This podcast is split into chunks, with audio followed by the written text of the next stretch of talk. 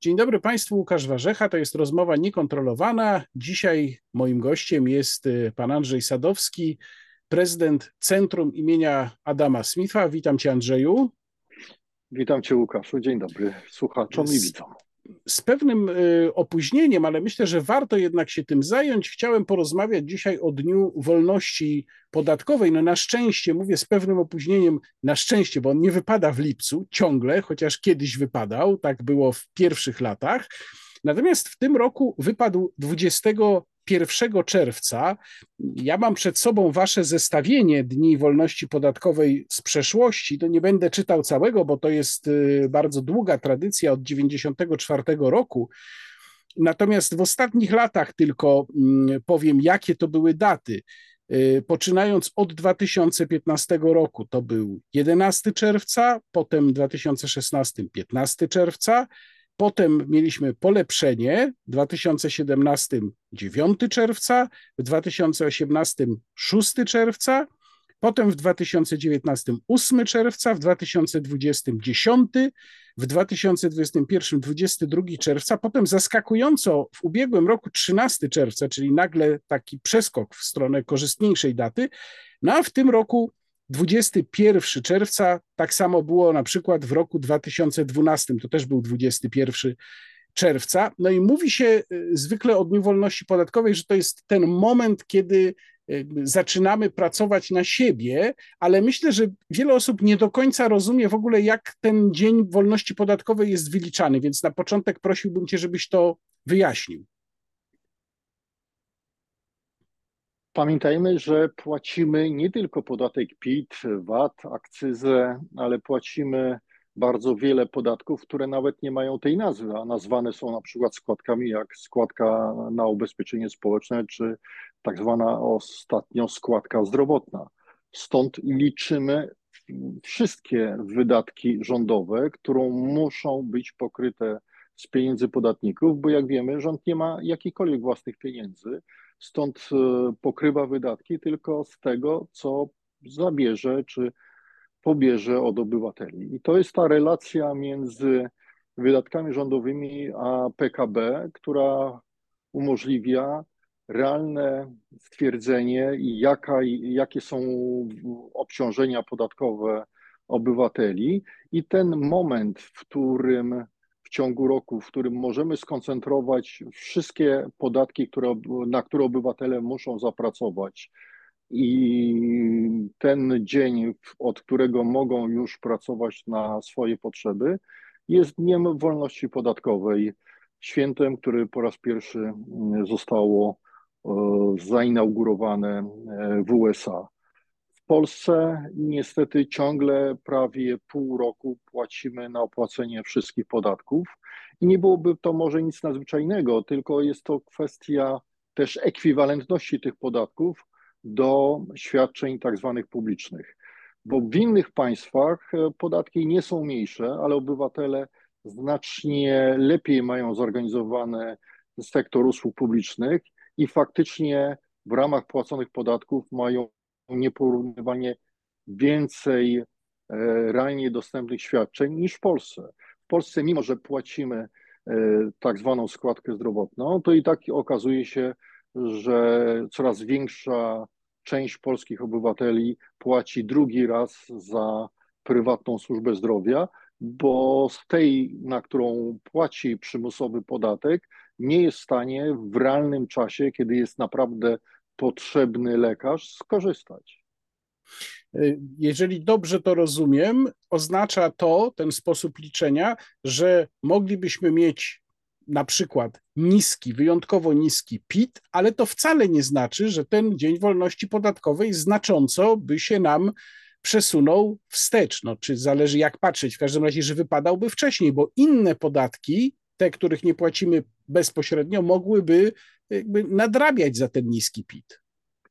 Ale naturalnie stąd chociażby ten trik, który rząd zastosował przy obniżeniu podatku PIT, a jednocześnie wprowadzeniu innej konstrukcji podatku, jakim jest składka zdrowotna, co spowodowało e, bezpośrednie efektywny wzrost opodatkowania nie tylko przedsiębiorców, ale też zwykłego obywatela. Stąd posługiwanie się tylko bohaterem mediów, którym jest PIT i cała ta akcja składania PIT-u e, w końcu kwietnia, kiedy doniesienia o to, ile Polaków złożyło ten PIT, w jaki sposób prawie brzmi jak doniesienia z frontu walki z aparatem skarbowym, nie oznacza, że to jest ten podatek, który jest akurat dominujący w tym, co płacimy, bo proszę zauważyć, że skala czy stawka podatku VAT jest znacznie wyższa niż podatku PIT, a podatek VAT płacimy codziennie, dokonując jakichkolwiek zakupów towarów czy usług. Jak na tle tej historii Dnia Wolności Podatkowej wypada ten obecny 21 czerwca? Jak byś go sytuował? Czy to jest y, jedna z najgorszych dat, jedna z lepszych? przypominam, że trzy razy na początku y, ta data wypadała nawet y, w lipcu. To był 1 lipca w 94, 6 lipca w 95 i 4 lipca w 96 roku. Pamiętajmy, że nasze PKB od tego momentu znacząco urosło, ale stąd ta relacja, którą, która pokazuje efektywne opodatkowanie, faktycznie wygląda optycznie korzystniej. Natomiast też trzeba pamiętać, e, co się dzieje e, wokół systemu podatkowego w Polsce. Zauważmy, i to na podstawie danych OECD, że Polska w ramach państw OECD na 37 państw zajmuje 36 pozycję, jeżeli chodzi o skomplikowaność tego systemu podatkowego. I to nie jest tylko sama kwestia wysokości podatków, ale na przykład jak ten system e, pożera czas obywateli, pożera ich e, życie. E, Bank Światowy jeszcze przed pandemią w ostatnim rankingu Doing Business zrobił wyliczenie czasochłonności tej przymusowej pańszczyzny, którą musimy wypełniać, aby podołać obowiązkom podatkowym i Polska, w Polsce ten obowiązek jeszcze przed prowadzeniem tak zwanego Polskiego Ładu e, wyniósł w ciągu roku 334 godziny, podczas gdy w Estonii ten przymusowy czas spędzany nad rozliczeniem podatków wynosił 50 godzin. To nie byłoby może nic takiego szokującego, tylko pamiętam wystąpienie ówczesnego wicepremiera, obecnego premiera, kiedy prezentował e, program zrównoważonego rozwoju, gdzie te proporcje między Polską a Estonią wynosiły 260 kilka godzin do 150 kilku godzin na rzecz Estonii i to miało się zmienić. Jak to się zatem stało, że przez kilka lat rząd pana premiera doprowadził jeszcze do bardziej drastycznej rozdźwięku między czasem, który w Polsce e, musimy przymusowo zużywać na rozliczanie podatków, a Estonią, z, którego, z której tylko zaczerpnięto jeden z fragmentów tamtego systemu, tak zwany estoński PIT, który się po prostu w Polsce słabo przyjmuje, bo to jest przeszczep między e, zupełnie innymi e, organizmami, gdzie z, cały czas mamy do czynienia z obniżaniem czasu w Estonii, który trzeba zużyć na rozliczanie podatków i gwałtownego przyrostu tego czasu w Polsce. To tak jakby codziennie przedsiębiorca tracił część swojego życia, zamiast poświęcać rodzinie, rozwojowi firmy czy na jakąkolwiek rozrywkę, tylko po to, że w międzyczasie kolejne zmiany, zwłaszcza te zmiany, które przyszły później w ramach Polskiego Ładu, spowodowały, że ten wyliczenie Banku Światowego z 2020 roku już moim zdaniem straciło na aktualności i tych obowiązków związanych z rozliczaniem podatków jest znacznie więcej. Czyli warto uwzględniać nie same nominalne stawki, ale też ekwiwalentność płaconych podatków do zwrotu, który obywatel dostaje w różnych świadczeniach, jeżeli one muszą występować, oraz ile ten system podatkowy zabiera życia ludziom, e, jeżeli chodzi o posługiwanie się nim. No tak, ale można by powiedzieć, no ale przecież mamy EPIT i taki przeciętny podatnik, który nie prowadzi działalności gospodarczej, właściwie już nic nie musi robić, wystarczy, że sobie tam przejrzy, czy się wszystko zgadza, klika wyślij i w ogóle się tym nie musi zajmować i czas poświęcany na podatki w jego przypadku się skrócił. Bez wątpienia, ale to jest taka sama różnica jak e, przetrzymywaniem ludzi w więzieniu, a później zakładaniu im obroży elektronicznej, gdzie już mogą odbywać e, karę e, w swoim miejscu zamieszkania. Zauważmy, że rząd mógł mieć olbrzymi sukces polityczny i wyborczy, gdyby zlikwidował PIT.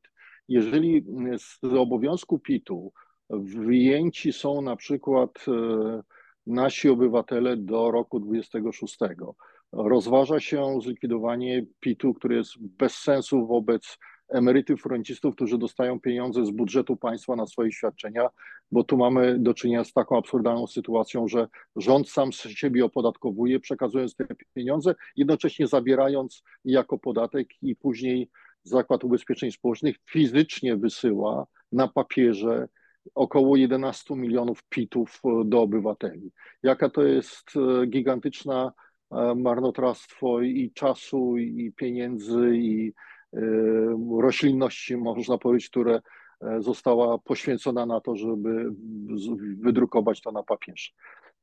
Stąd i jeszcze pozostawienie tej części obywateli, która musi nawet, może skorzystać z elektronicznego wypełniania PIT-u, to jest ciągle bezpowrotne tracenie czasu i zasobów, które można było wykorzystać na coś innego.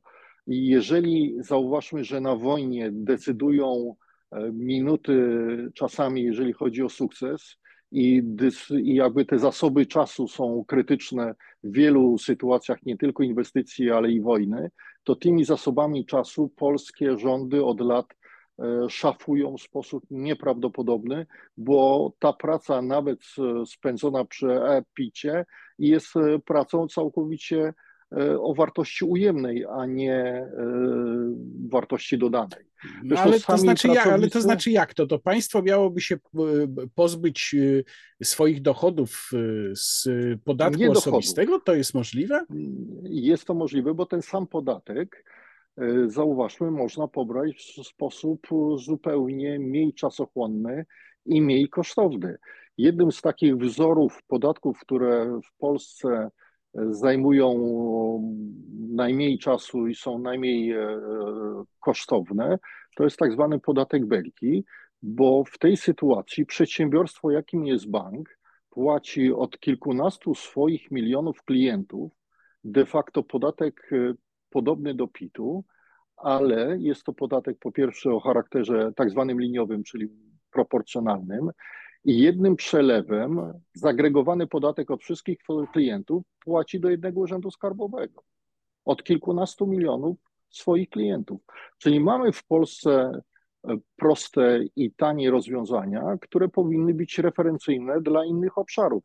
No nie ma powodu dzisiaj, żeby każdy przedsiębiorca w małej firmie rozliczał każdego pracownika, bo nie ma to najmniejszego sensu poza dręczeniem oczywiście obywateli, ale też jest to niekorzystne dla samych pracowników aparatu skarbowego, którzy nam wielokrotnie wskazywali, że zamiast zajmować się najbardziej kryminogennym podatkiem, jakim jest podatek VAT, oni muszą się zajmować jednocześnie Janem Kowalskim i takich przypadków Jana Kowalskiego jest kilkanaście milionów.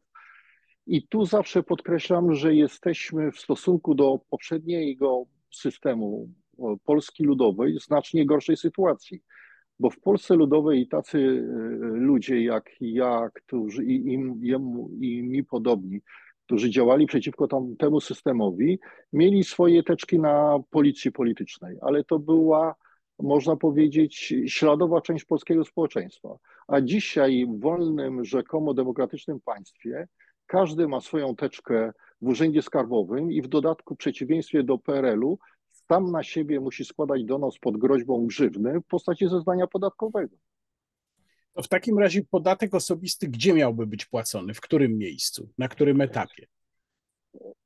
Pokazywaliśmy, że w Polsce wcześniej, do jeszcze początku lat 90., istniało rozwiązanie najprostsze, mianowicie jest to podatek od funduszu płac, czyli płaci przedsiębiorca wylicza, ile wynagrodzeń wypłacił niezależnie z jakiego tytułu i od tego oblicza podatek i wysyła do Urzędu Skarbowego. Tak jak dzisiaj robią to banki w przypadku zysków kapitałowych od swoich milionów klientów, bo przecież nie dostajemy z banku PIT-u, że z tytułu właśnie odsetek kapitałowych zarobiliśmy tyle, a tyle zostało podatku zapłacone, tylko bank w naszym imieniu e, anonimowo, bo nie jest to rozbite na e, kolej poszczególnych klientów banku, tylko zagregowany wysyła podatek.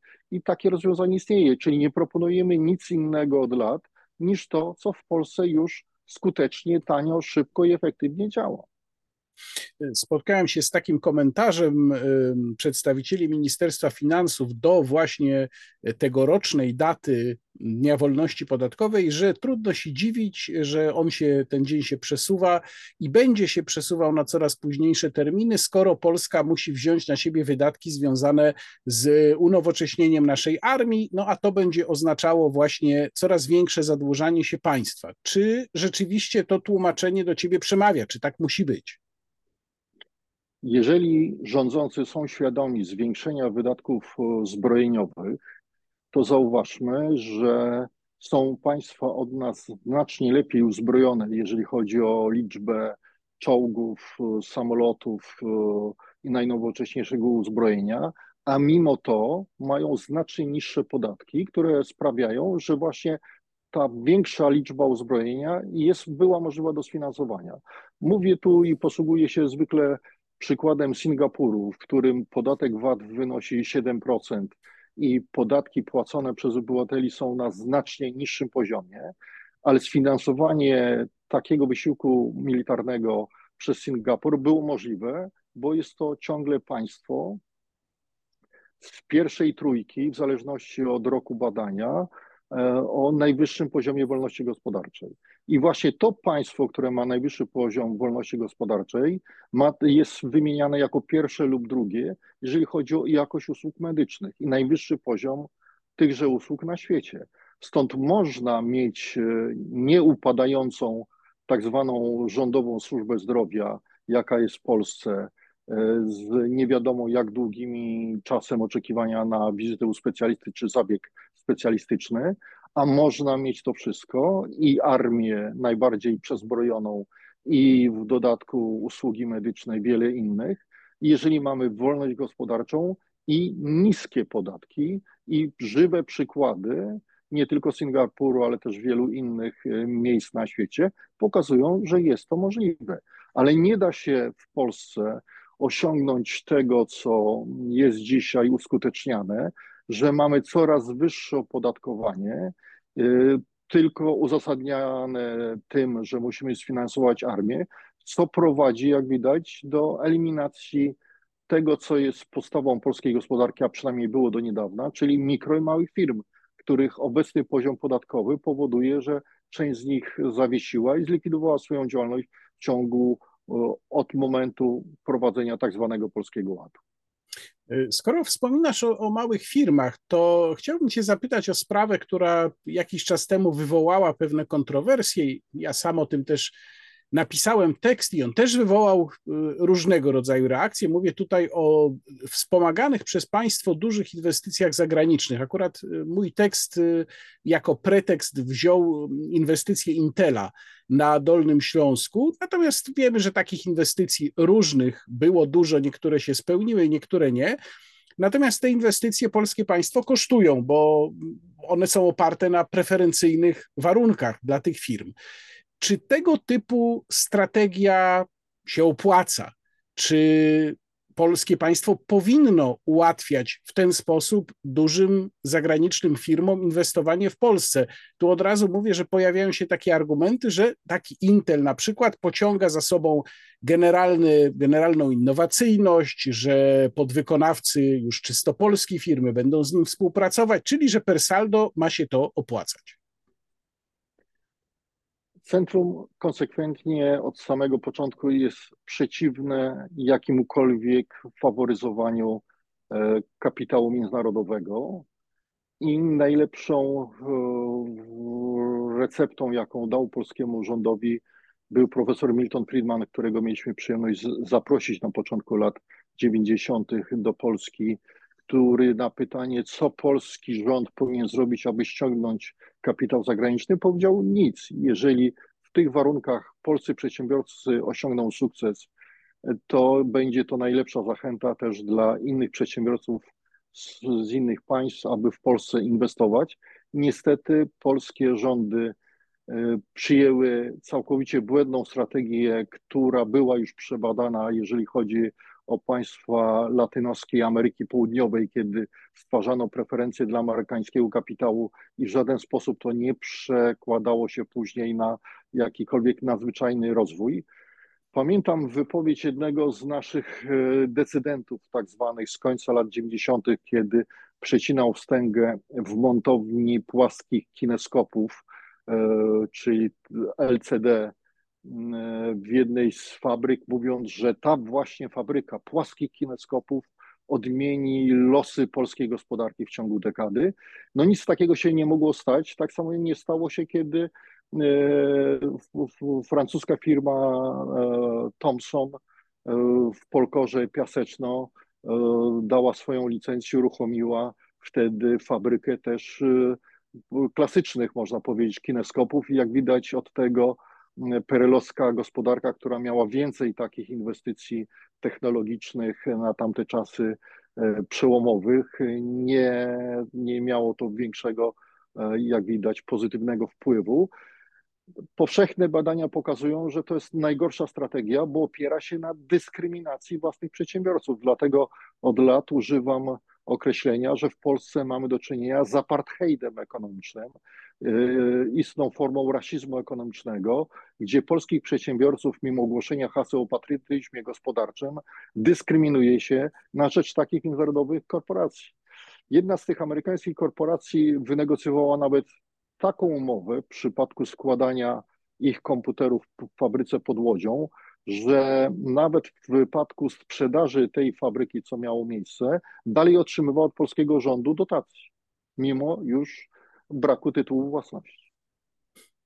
Centrum imienia Adama Smitha przedstawiło przy okazji prezentacji tegorocznego mm, terminu Dnia Wolności Podatkowej przedstawiło swoje propozycje czy postulaty. To jest E, pięć punktów, między innymi uwolnienie pracy od opodatkowania ZUS składkami i podatkami, likwidacja podatku Belki, o którym tutaj w innym kontekście mówiliśmy, e, likwidacja opodatkowania rządu przez samego siebie, o tym też już mówiłeś, to na przykład kwestia opodatkowania emerytur, przeprowadzenie uczciwej prywatyzacji dla obywateli polskich martwego kapitału będącego własnością skarba, e, Skarbu Państwa i samorządów, a także utrzymanie zwolnienia z ZUS dla mikroprzedsiębiorców samozatrudnionych, a docelowo przeniesienie ich do systemu KRUS. I to mnie szczególnie, ten punkt mnie szczególnie zastanowił, zwłaszcza, że wokół składek ZUS-owskich powiększonych właśnie wskutek wejścia Polskiego Ładu w życie jest cały czas bardzo dużo kontrowersji. Była też propozycja wprowadzenia dobrowolnego ZUS-u. To była propozycja Rzecznika Małych i Średnich Przedsiębiorców Adama Abramowicza. O co chodzi w tej waszej propozycji? Dlaczego mikroprzedsiębiorcy, czyli samozatrudnieni, mieliby się znaleźć w, w czyli w, w rolniczej kasie ubezpieczenia?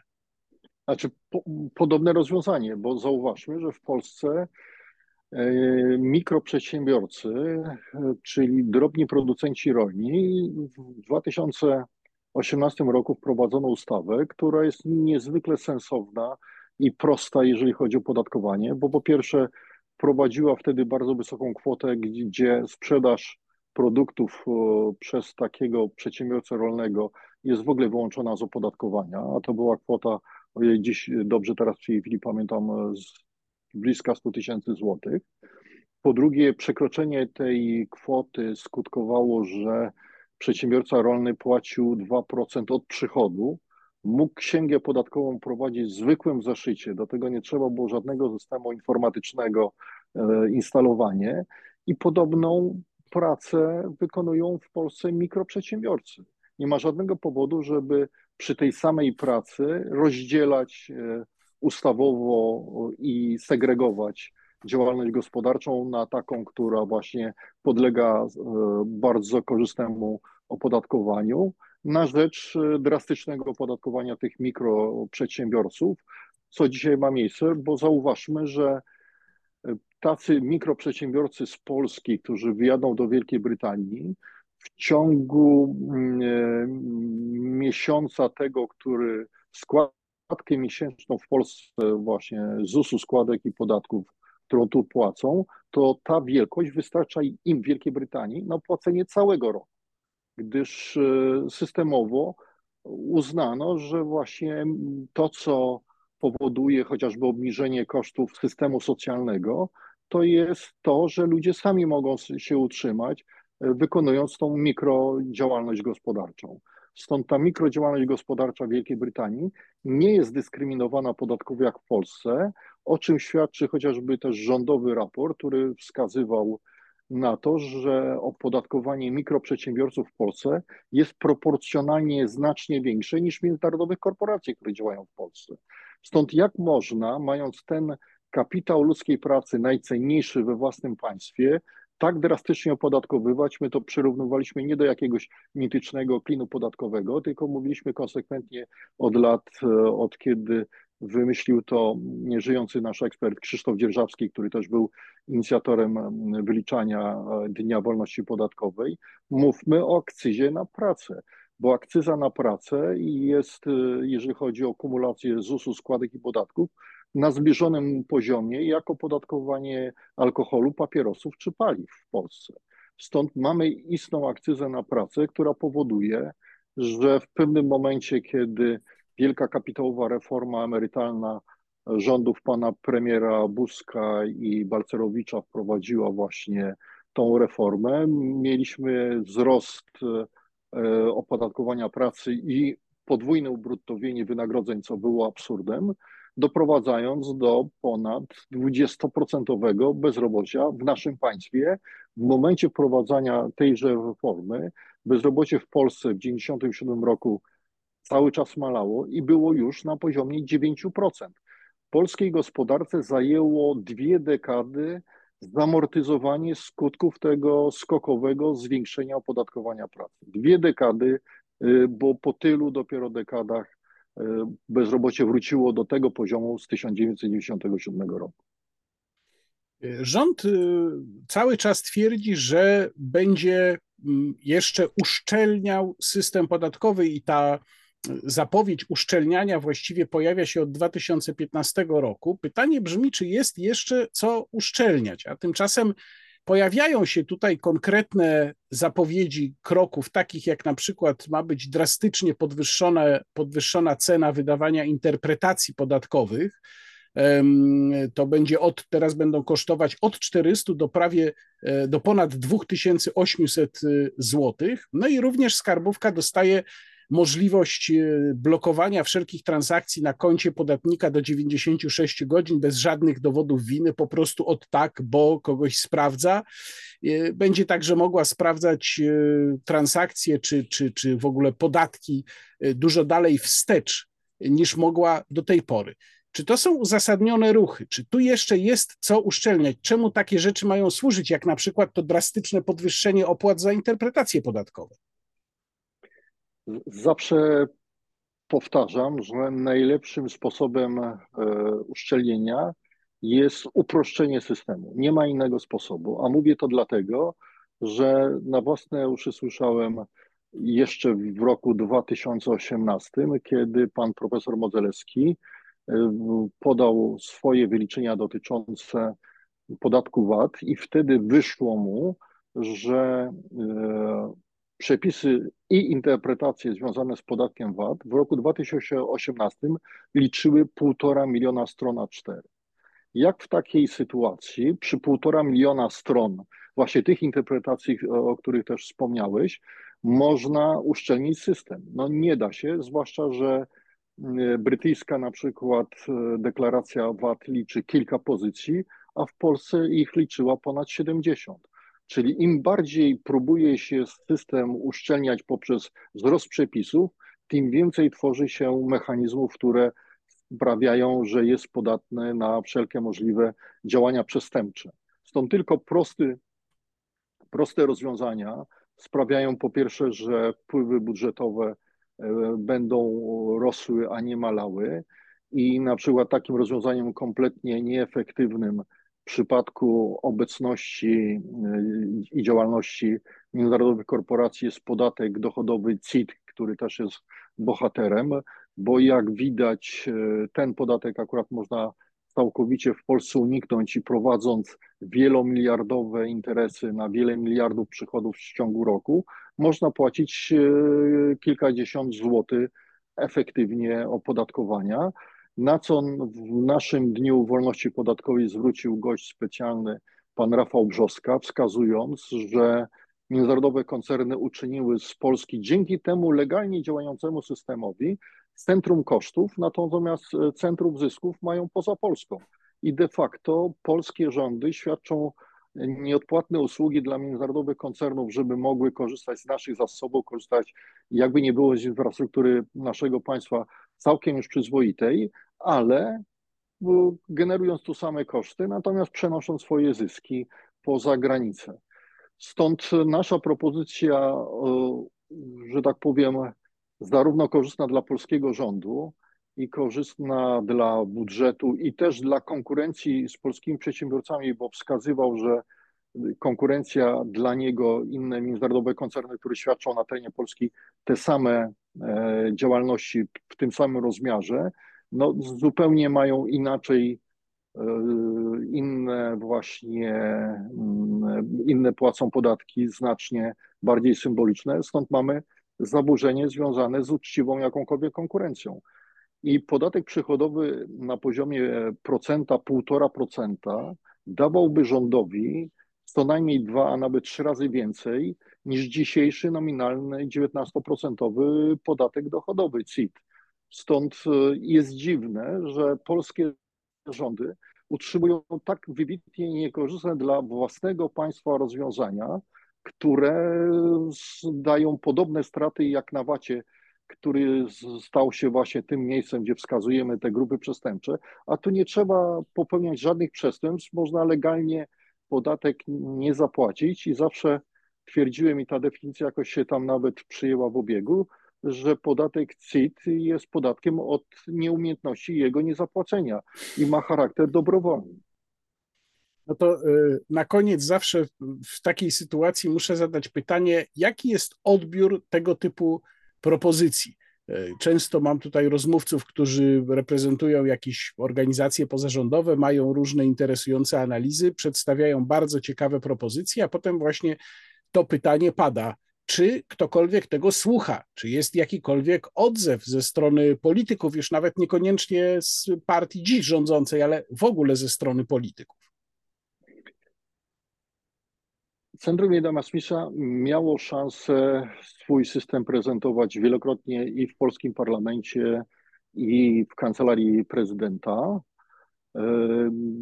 Zauważyłem podobną sytuację, o której kiedyś czytałem w Niemczech, kiedy na początku swojej kadencji pani kanclerz Merkel zaproponowała pewne nieznaczne uproszczenia systemu podatkowego i w Niemczech gotowość strajkową ogłosił Niemiecki Związek e, Doradców Podatkowych wtedy. Stąd e, te, jak widać, e, nasze zmagania w dużej mierze brały się e, z, z faktu pewnych grup interesów, które w Polsce stoją na straży tak nieefektywnego dla polskiego państwa systemu podatkowego, co jak na samym początku mówiłem, potwierdza 36 lokata w ramach państwa OECD na 37 najbardziej skomplikowanego systemu. On jest niekorzystny dla państwa, jego urzędników, dla budżetu, dla polskich przedsiębiorców i śmiem twierdzić, że zmiana tego systemu na najbardziej konkurencyjny, przynajmniej w tej części świata, dałaby podobny efekt jak ustawa Wilczka w 1988 roku, bo już infrastrukturę zbudowaliśmy, mamy wszystko, co jest potrzebne do normalnego funkcjonowania, ale to, co brakuje, to jest między innymi stabilny, przewidywalny, zrozumiały, i nie krzywdzący obywateli system podatkowy, jeżeli chodzi o prowadzenie aktywności. I ta zmiana, jak sądzę, gdyby ją rząd wprowadził, dałaby też mu zwycięstwo. Natomiast zaskakujące jest, że tak niewiele trzeba do zrobienia, zwłaszcza, że w naszej historii już wyprowadziliśmy armię Związku Radzieckiego z naszego terytorium, a Polskę można byłoby znacznie łatwiej wyprowadzić z tego złego systemu podatkowego. Bardzo dziękuję. Moim gościem w rozmowie niekontrolowanej był Andrzej Sadowski, prezydent Centrum imienia Adama Smitha. Dziękuję Ci, Andrzeju. Dziękuję Ci, Łukaszu, za zaproszenie. To była rozmowa niekontrolowana. Łukasz Warzecha, kłaniam się i do zobaczenia.